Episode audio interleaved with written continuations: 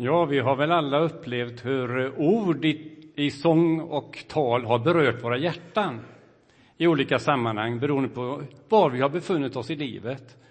Och vad man egentligen helst vill ge är ju i samtal med människor ord som verkligen berör. Kan man då av nåd få ge ett ord från Gud som berör, då är det inte illa. Det är ord som på något sätt har berört mig under de sista månaderna och som jag upplever har berört människor där jag har funnits i ett samtal, som har berört den andre.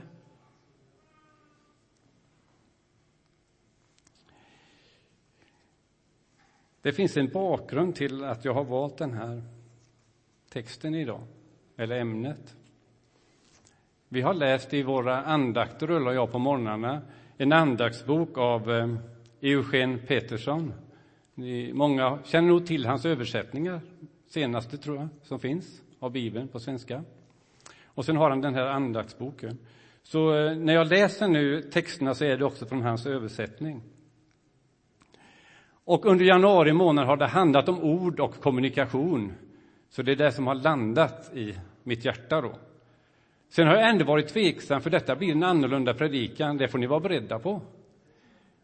Eh, jag vill ju alltså, jag tänker mig att en predikan ska vara att man förmedlar någon undervisning, eh, kanske någon teologi eller så. Om ni brukar lyssna på mig så vet ni att så är det. Men sen har jag fått höra att man gärna vill också lyssna till hur är din tro i vardagen? De säger så på Alfa också att de vill helst inte ha något föredrag på video eller dvd utan de vill ha en levande människa som berättar hur är det egentligen. Så nu blir detta mer som ett vittnesbörd. Då. Eh, och jag har som sagt varit tveksam, men det som fick mig ändå att välja det här var faktiskt en dröm som min fru hade för en vecka sedan. Det löste mig det här. Ord som berör ska det nog ändå vara då. Låt mig börja med de här texterna från Bibeln som handlar om ord. Och de blir väldigt kraftfulla i Eugen Peterssons nya översättning. De går rakt igenom på något sätt in i oss. Så här har han översatt Andra Timoteusbrevet 2, 16 till 17. Jag tror att ni har dem där, så jag behöver inte säga dem. Undvik fromt tal som bara är snack Förkunnelse är faktiskt mer än bara ord. Om orden inte bygger på ett liv med Gud förgiftar de bara själen. Och i Ordspråksboken 18. Ord dödar, ord ger liv. De är antingen gift eller frukt. Du väljer. Ordspråksboken 25. Rätt ord i rätt tid är som ett specialdesignat smycke. Och en klok väns tillrättavisning är som en guldring på ditt finger. Och sen kommer den häftigaste av dem alla.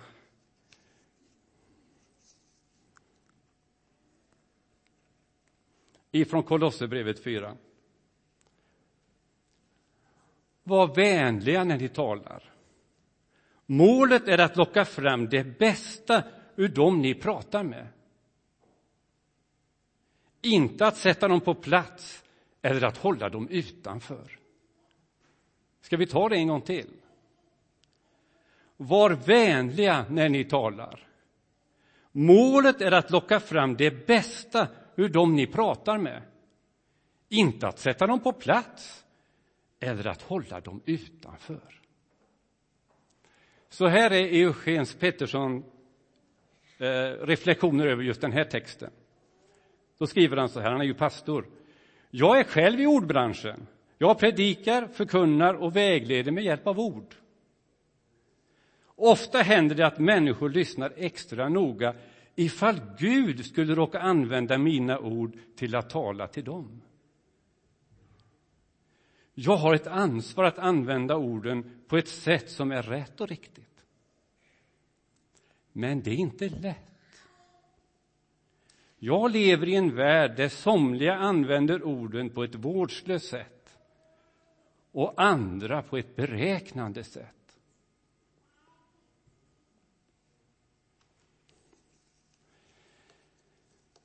Så här säger Franciscus av Assisi i början på 1200-talet. Predika alltid evangelium och om nödvändigt använd ord. Och så här säger Nelson Mandela mer i modern tid. Om 28 år i fängelse har gjort något med oss så är det att tystnaden i ensamheten lärde oss förstå hur dyrbara ord är.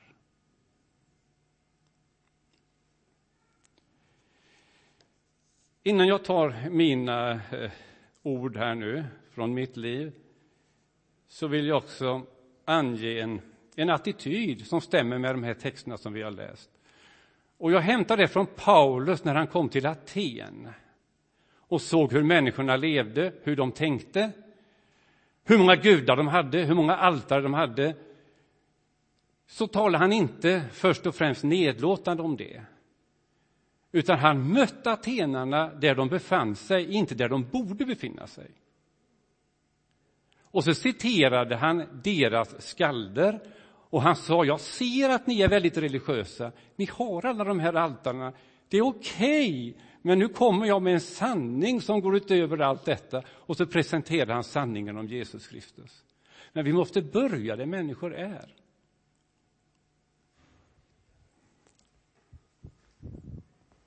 Snuttefilten eller gosedjuret. Ska vi ta det först? Ja. Jag tar det i den ordning som det hände mig då. Det blir enklast. Det är faktiskt eh, 24 oktober, FN-dagen.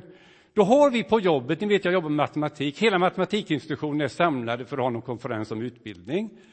Och eh, jag väljer ibland i fikat att sätta mig i en grupp där jag inte vanligtvis, inte min arbetsgrupp, alltså, utan andra, för att få lite andra perspektiv, både på matematiken och på kanske livet och så. Och så hamnar jag vid ett bord där jag vet att han som sitter där är en modern, respekterad, eh, övertygad humanist. Hoppas ni vet vad det innebär idag ungefär, så jag inte behöver gå in på det. Okay. Och vi fikar och pratar om matte och allt möjligt. Men sen tänker jag, det här är nog ett speciellt tillfälle ändå. Det är FN-dag och allting. Och jag vet att humanisterna, de respekterar FNs deklaration om de mänskliga rättigheterna överallt annat, och det gör jag med. Så jag vill ju också kalla mig humanist, men det är någonting som spretar här, för de gillar ju inte kristen tro eller tro överhuvudtaget. Jag talar om de moderna svenska humanisterna, Humanistiska förbundet, Humanistiska föreningen. Eh, så hur ska jag få ett, en ingång här? Jo, då är det faktiskt så att jag, samma kväll så ska jag till eh, Utby församling och tala just på grund av FN-dagen på kvällen. Och då säger jag så här att jag kan tyvärr inte stanna hela dagen här på konferensen, för jag måste förbereda en annan grej som jag gör ikväll i kyrkan. Jag ska faktiskt tala på FN-dagen. Då är det intressant. Då ser man liksom, aha, FN-dagen och kyrkan. Och, då, och så frågar han som sitter på den sidan, har, har kyrkan, eh, ordnar de sådana saker? Ja, så är det väldigt naturligt också. Därför att, eh, och så var ju temat för globala veckan i höstas också, tro som fredsskapare. Så jag hade ju verkligen ett läge. Eh, och så, ja, men jag ska prata om tro som fredsskapare och jag ska faktiskt nämna Dag Hammarskjöld, FNs generalsekreterare då för drygt 50 år sedan. Och ska jag berätta utifrån det. Och nu är det mycket, mycket intressant hur samtalet går vidare då. Och så säger jag då det här, jag vet inte riktigt var, var det kommer ifrån, men jag säger Dag Hammarskjölds tro var ingen snuttefilt. Dag Hammarskjölds tro var inget gosedjur. Varför behöver man säga det? Och den attityden finns nämligen.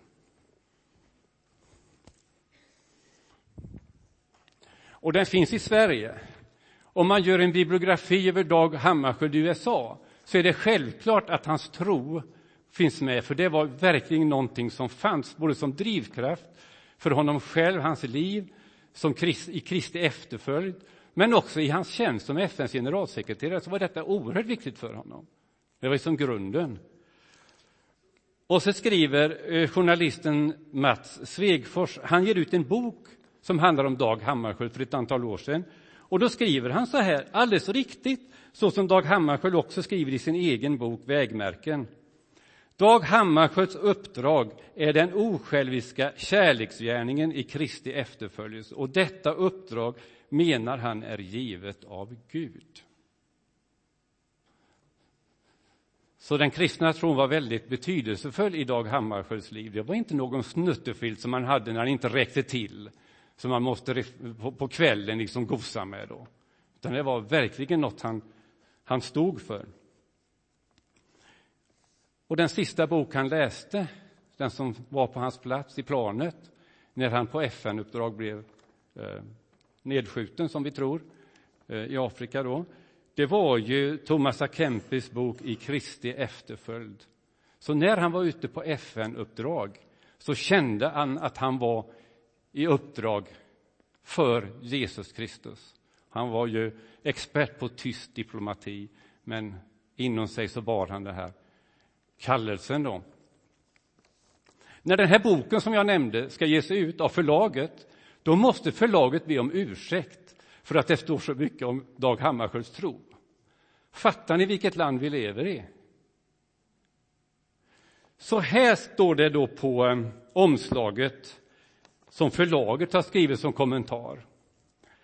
Dag Hammarskjölds intellektuella kapacitet och mångsidighet gjorde honom beundrad i samtiden, som ledare och som förebild.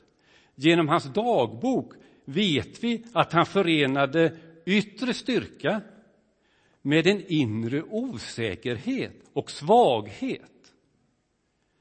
Uttryckt i en existentiell reflektion som med åren utvecklades till en personlig, om en mycket komplicerad gudstro. Här har vi Dag Hammarskjölds tro presenterad som en snuttefilt, som ett gosedjur. Jag undrar vad han skulle säga själv om det. Men det reflekterar eh, den attityden som finns i Sverige idag om den kristna tron som är någonting eh, svagt, eh, som grundar sig i en slags osäkerhet som man måste på något sätt eh, lugnas av en tro på en påhittad Gud, om man ska tala klartext. Det är den attityden som finns då. Så det finns en religionsfobi. Och eh, i mitt samtal så vill jag bara säga det att Dag Hammarskjölds tro var ingen snuttefilt. Och jag såg reaktionen. För den som satt där på min sida hade nog närmast tänkt att så var det nog. Så ordet snuttefilt tog lite, lite skruv, så vi fick ett väldigt bra samtal efter det. Eh, humanisterna tänker sig nog att eh, religionen har en stor roll i konflikter över världen, och det är ju sant. Men då kommer jag och säger att tro är fredsskapare. Ni förstår att det blir annorlunda. Detta tror jag är lite grann i Paulus anda. Jag möter dem där de är, som de tänker, och så ger jag ett ord.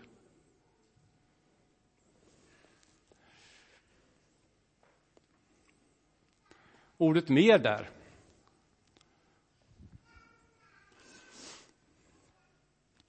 Det var ett annat samtal som jag hade på jobbet.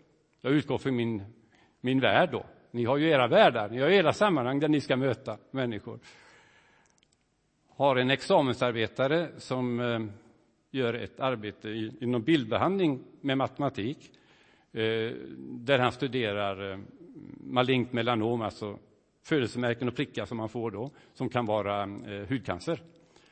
Eh, och så sitter vi och samtalar. Vi har två handledare, så jag har min kollega med och sen har jag vår elev där då. Och så på något sätt så glider det ofta in på tro. Jag tror att i det här fallet berodde det på min kollega som sa, hur ser du som troende på det här? Och då är det vissa naturfenomen och så, som jag klarar, man vill veta hur en troende ser på det. Och så kom vi in på det här med tron och vår elev blev då väldigt intresserad. Och han är ju 20-25 årsåldern. Och jag tror inte att han har många som han kan reflektera sådana frågor med som rör eh, tro överhuvudtaget. Eh, alltså, han sa bland annat under samtalet sen att eh, jag har en vän som tror Och jag är väldigt orolig för honom. Eh, och då visar att han hade hamnat mer i ett sekteristiskt sammanhang, eh, som det också kan vara. Och han var allvarligt orolig. Så han sa det är väldigt intressant att prata med någon som kan ge ett annat perspektiv på tro. Vad är tro för dig? Vad säger man i det sammanhanget? Ni förstår alltså. Men då kommer ordet, jag ska säga något om mer. Så säger jag så här, det är någonting som ger mitt liv mervärde. Säger jag. Som ger mitt liv en annan dimension. Och så berättar jag utifrån det att livet blir inte mindre eh, om man har en tro, det blir mer. Jag kan förstå djupare olika saker, jag kan också förstå vidare andra saker. Eh, han har ju tänkt sig att tron var någonting som krympte. Han tänkte på sin kamrat som var så då. Jag får inte göra det och det och eh, ja, livet blir bara mindre, krymper så. Begränsat, ofrihet. Så. Medan jag då presenterar en tro som ger en frihet, ett mervärde. Eh, så nu har jag fått ett annat ord som jag kan använda ofta när jag presenterar min tro. Det är någonting som ger mer, som är mer, som är en annan dimension. Och för en matematiker, när man talar om en annan dimension, så är det en, vi sysslar ju med mer än tre dimensioner, vet, vi sysslar till och med med oändligt många dimensioner. Så att till en matematiker säga det här att det är en dimension till, det väcker någonting sånt här, tror jag, en tanke. Eller om man till en fysiker säger att det finns något mer, då vet ni idag vad, hur man kan reflektera. Eh, då vet vi, eller man tänker sig det i den allra modernaste fysiken, att det är bara 5 av universum som kan eh, observeras, som är synligt. Allt annat är osynligt, 95 är osynligt. Så när jag säger att det finns något mer än man tror, något mer än den materiella världen, så är det för en fysiker någonting som, ah, ja, visst är det det, det är klart. Så att beroende på den kulturen som de befinner sig i så kan ett ord ge någonting då. Mer. Det finns något mer. Jag måste ha koll på tiden, för det här är väldigt mycket som man skulle kunna säga. Ibland så kan det räcka med bara några, några ord i ett samtal. Där den andra får tala kanske 99 procent och jag 1 procent. Jag har varit med om det många gånger under mitt liv. Och så har man efteråt kanske sagt vad, vad, vad intressant det är att prata med dig. Och jag kan tänka så här, vad var det som var intressant? Jag sa ju nästan ingenting. Men då är det det att någon har lyssnat, äntligen har någon lyssnat, utan att komma med eh, ännu häftigare saker eh, och berätta om sig själv då, utan man bara lyssnar. Eh, och så tackar man för det här fantastiska samtalet, det givande samtalet. Och jag kommer gärna och samtala med dig igen. Ja, visst, det är jättebra. Och så har jag kanske, bara som nu efter jul, när en, en jag mötte en kollega igen efter juluppehållet. Och jag vet att hon lever ensam, så att det är lite känsligt när man frågar sig hur har helgerna varit. Jag tänkte ändå jag kan göra det då. För det visar ju ändå lite att man har en medkänsla då. Ja, det hade ju varit ensamt och inte bara det, det hade hänt en massa olika saker som hade strulat till. Människor hade strulat också. Förutom att hon var ensam så hade andra, för, ja, som hon uttryckte det, gjort det jobbigt för henne under helgerna. Så kan det ju vara. Helt i onödan, tycker jag. Så det är klart att när jag lyssnar så säger jag men då, bara ibland. Så jag säger att jag är med, eller men oj. Så fortsätter hon. Då säger jag, när hon pratar om det där som strulade, men varför?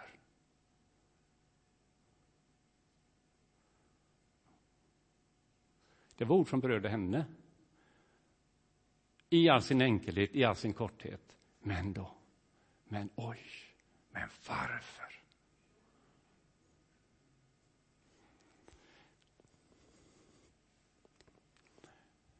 Jag har fått ett annat ord som jag kan använda för min kristna tro, det är mjukare.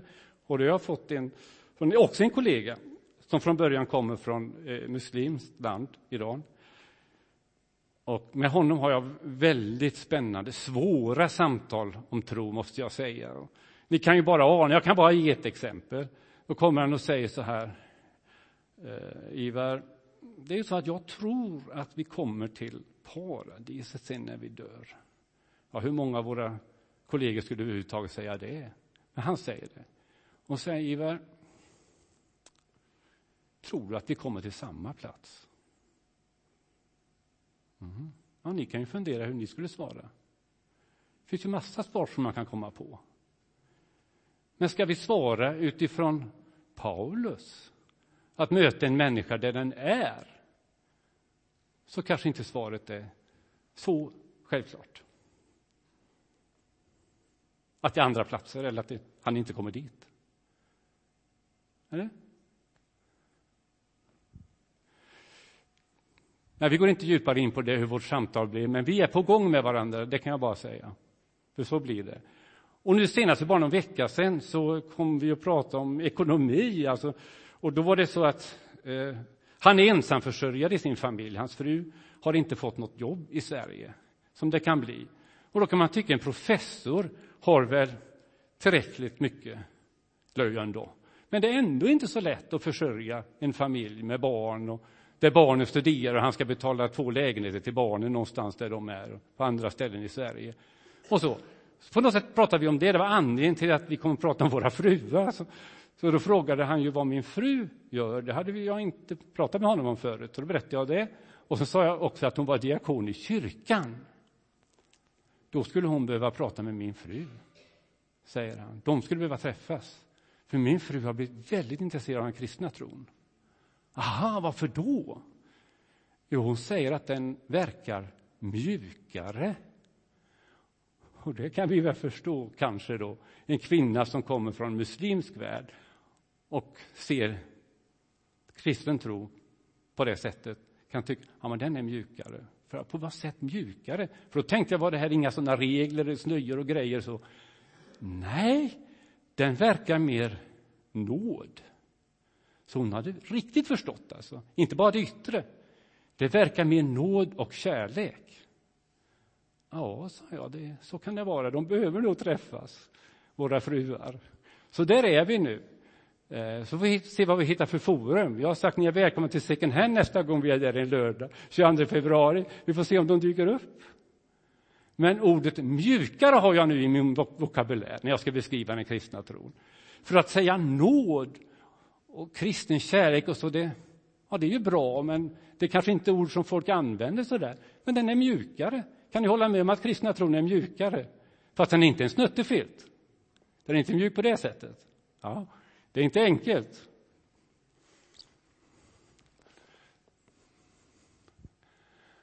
Ja, kan jag ta det med wow också? Det har jag varit mest tveksam till, men jag har faktiskt talat med den som den i församlingen som det berör. Då att det är okej okay att jag säger det. Och nu är det väldigt personligt. Nu är det inte ett ord från mig, utan ett ord till mig. Som ni vet så prövade jag det här att gå in som eh, vice föreståndare i församlingen nu under januari. Jag hade faktiskt tänkt att den tiden var förbi. Jag har varit föreståndare i 15 år. Och jag tänkte, det är säkert någon annan som ska gå in nu som viceförande tillsammans med Ingalill när Anders Torebring inte kan vara det längre. Så jag hade inte absolut någon tanke på det. Så var det, ärligt talat. Men sen blev ledarskapet i församlingen mig att pröva det. Tänkte, då gör jag det då. Då prövar jag det. Och då kommer det tillbaka också som hände när jag prövade min äldstetjänst för 30 år sedan. Kan det vara det? Ja, Nästan i alla fall.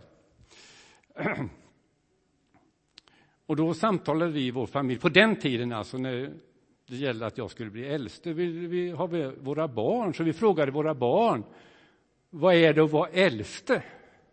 Och då säger Sabina, som är sex år då, eh, ja, barn är ju så direkta och konkreta, så de som har varit på en gudstjänst, de ser vad gör de äldste? Det är väl vad de är då. Vad är det att vara äldst i församlingen? Jo, det är de som ber för människor. Mm. Och det har jag levt med då i snart 30 år som äldste. Att jag vill vara en som ber för människor. Så jag svarade ja då. Då. Och nu har jag också svarat ja. för att gå in som eh, vice föreståndare.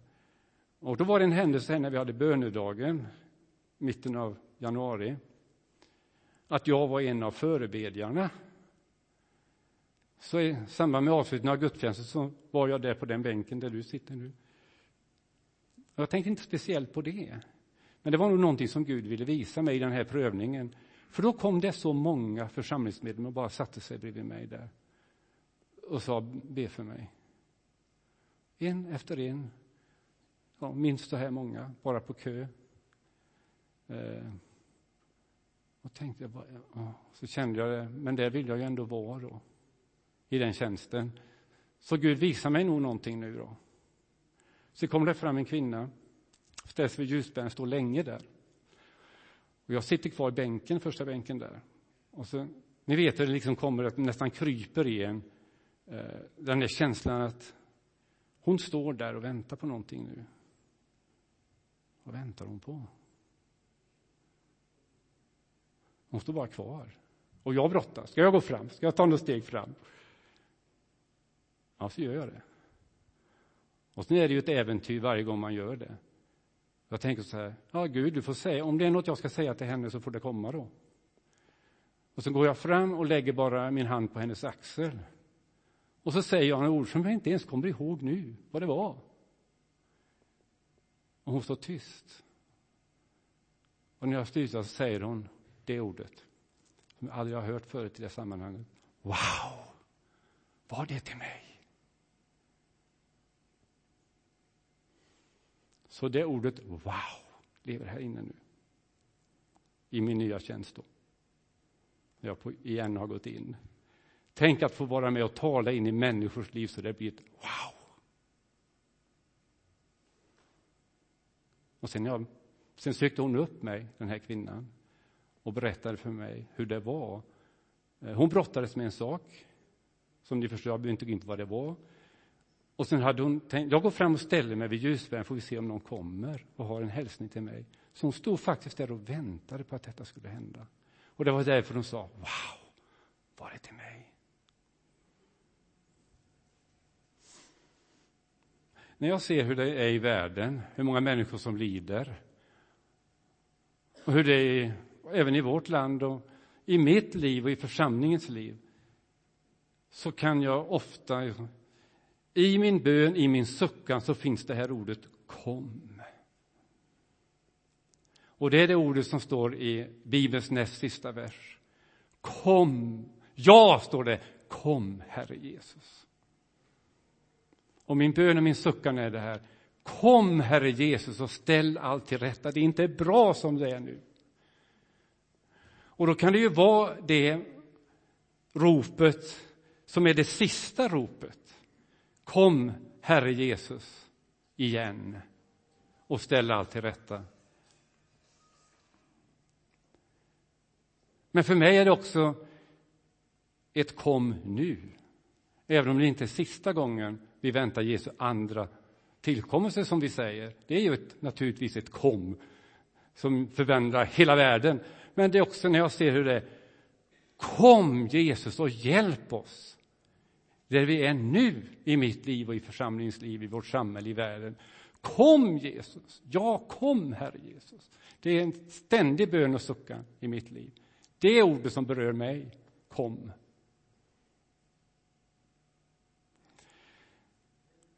Jag vill ta ett sista som blir som en inbjudan. Jag vill alltid ha ett element av inbjudan i mina predikningar. Jag vet ju inte hur ni har det, var ni befinner er i era liv.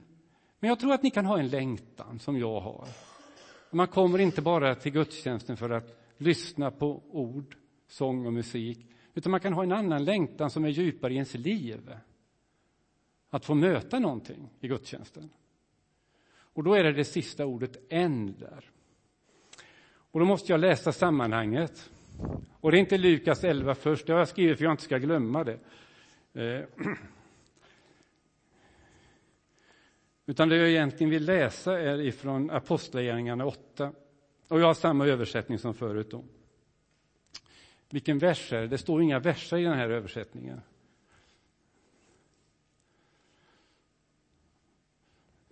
Åtta och 14. om ni vill följa med era biblar. Apostlagärningarna 8 och 14. När apostlarna i Jerusalem fick höra att Samarien hade tagit emot Guds budskap skickade de dit Petrus och Johannes som bad att samarierna skulle också få den helige anden. Fram tills dess hade de bara blivit döpta i Mästarens Jesus namn. Och sen är det denna då. Den helige Ande hade inte fallit över dem än. än.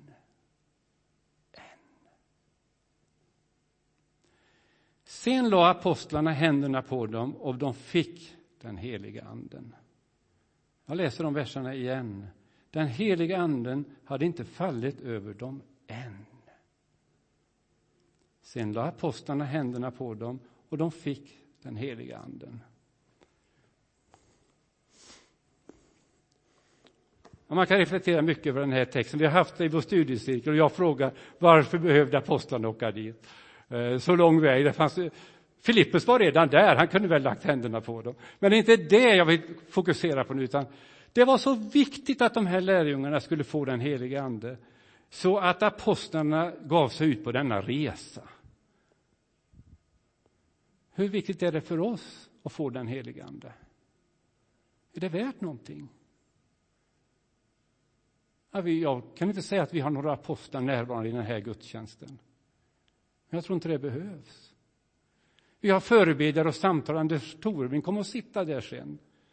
Ni behöver inte räkna honom som en apostel, men han kan lägga handen på din axel. Så är det så att du lever i något så här, det har inte hänt, det har inte hänt än. Du lever i ett väntans än. Då kan den här gudstjänsten få vara det tillfälle då det inte längre är än, utan nu har det hänt. Nu är jag där. Och det kan vara att du för första gången i ditt liv vill ta emot Jesus Kristus i ditt liv, som du inte har gjort än. Det kan vara det att du vill bli berörd av den heliga Ande, få den heliga Andes hjälp och kraft i ditt liv. Om du upplever att du inte har fått det än, så är tillfället nu. Det är inte konstigt. Och så har jag det Lukas 11 där det står att skulle inte Gud ge helig ande åt var och en som ber honom om det. Jag ser att det är några som bläddrar. Lukas 11, 13.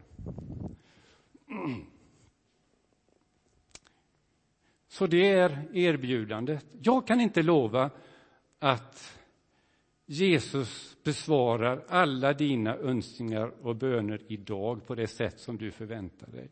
För vi lever i, om man tar och förlänger det här ordet än, så brukar vi säga redan nu, men ännu inte.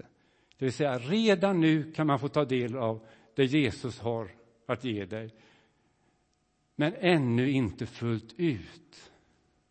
Utan det kommer först i den eviga världen. Men redan nu kan vi se glimtar av Guds rike och vi kan se och uppleva det i den här gudstjänsten. Men ännu inte fullt ut.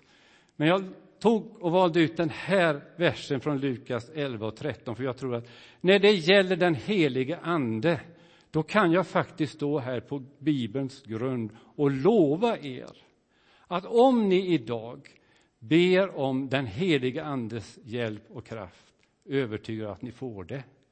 Den bönen besvarar Jesus idag. Så lev inte kvar i ditt än, utan ta tillfället. Amen.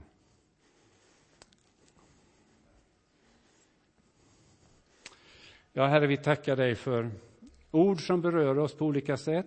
Om det nu är så att ord från ditt hjärta har berört någon idag, så låt det få finnas där och fortsätta att leva. Och var och en som eh, känner att man skulle göra någonting mer än bara lyssna idag. Herre, låt det ske i vår gudstjänst. Amen.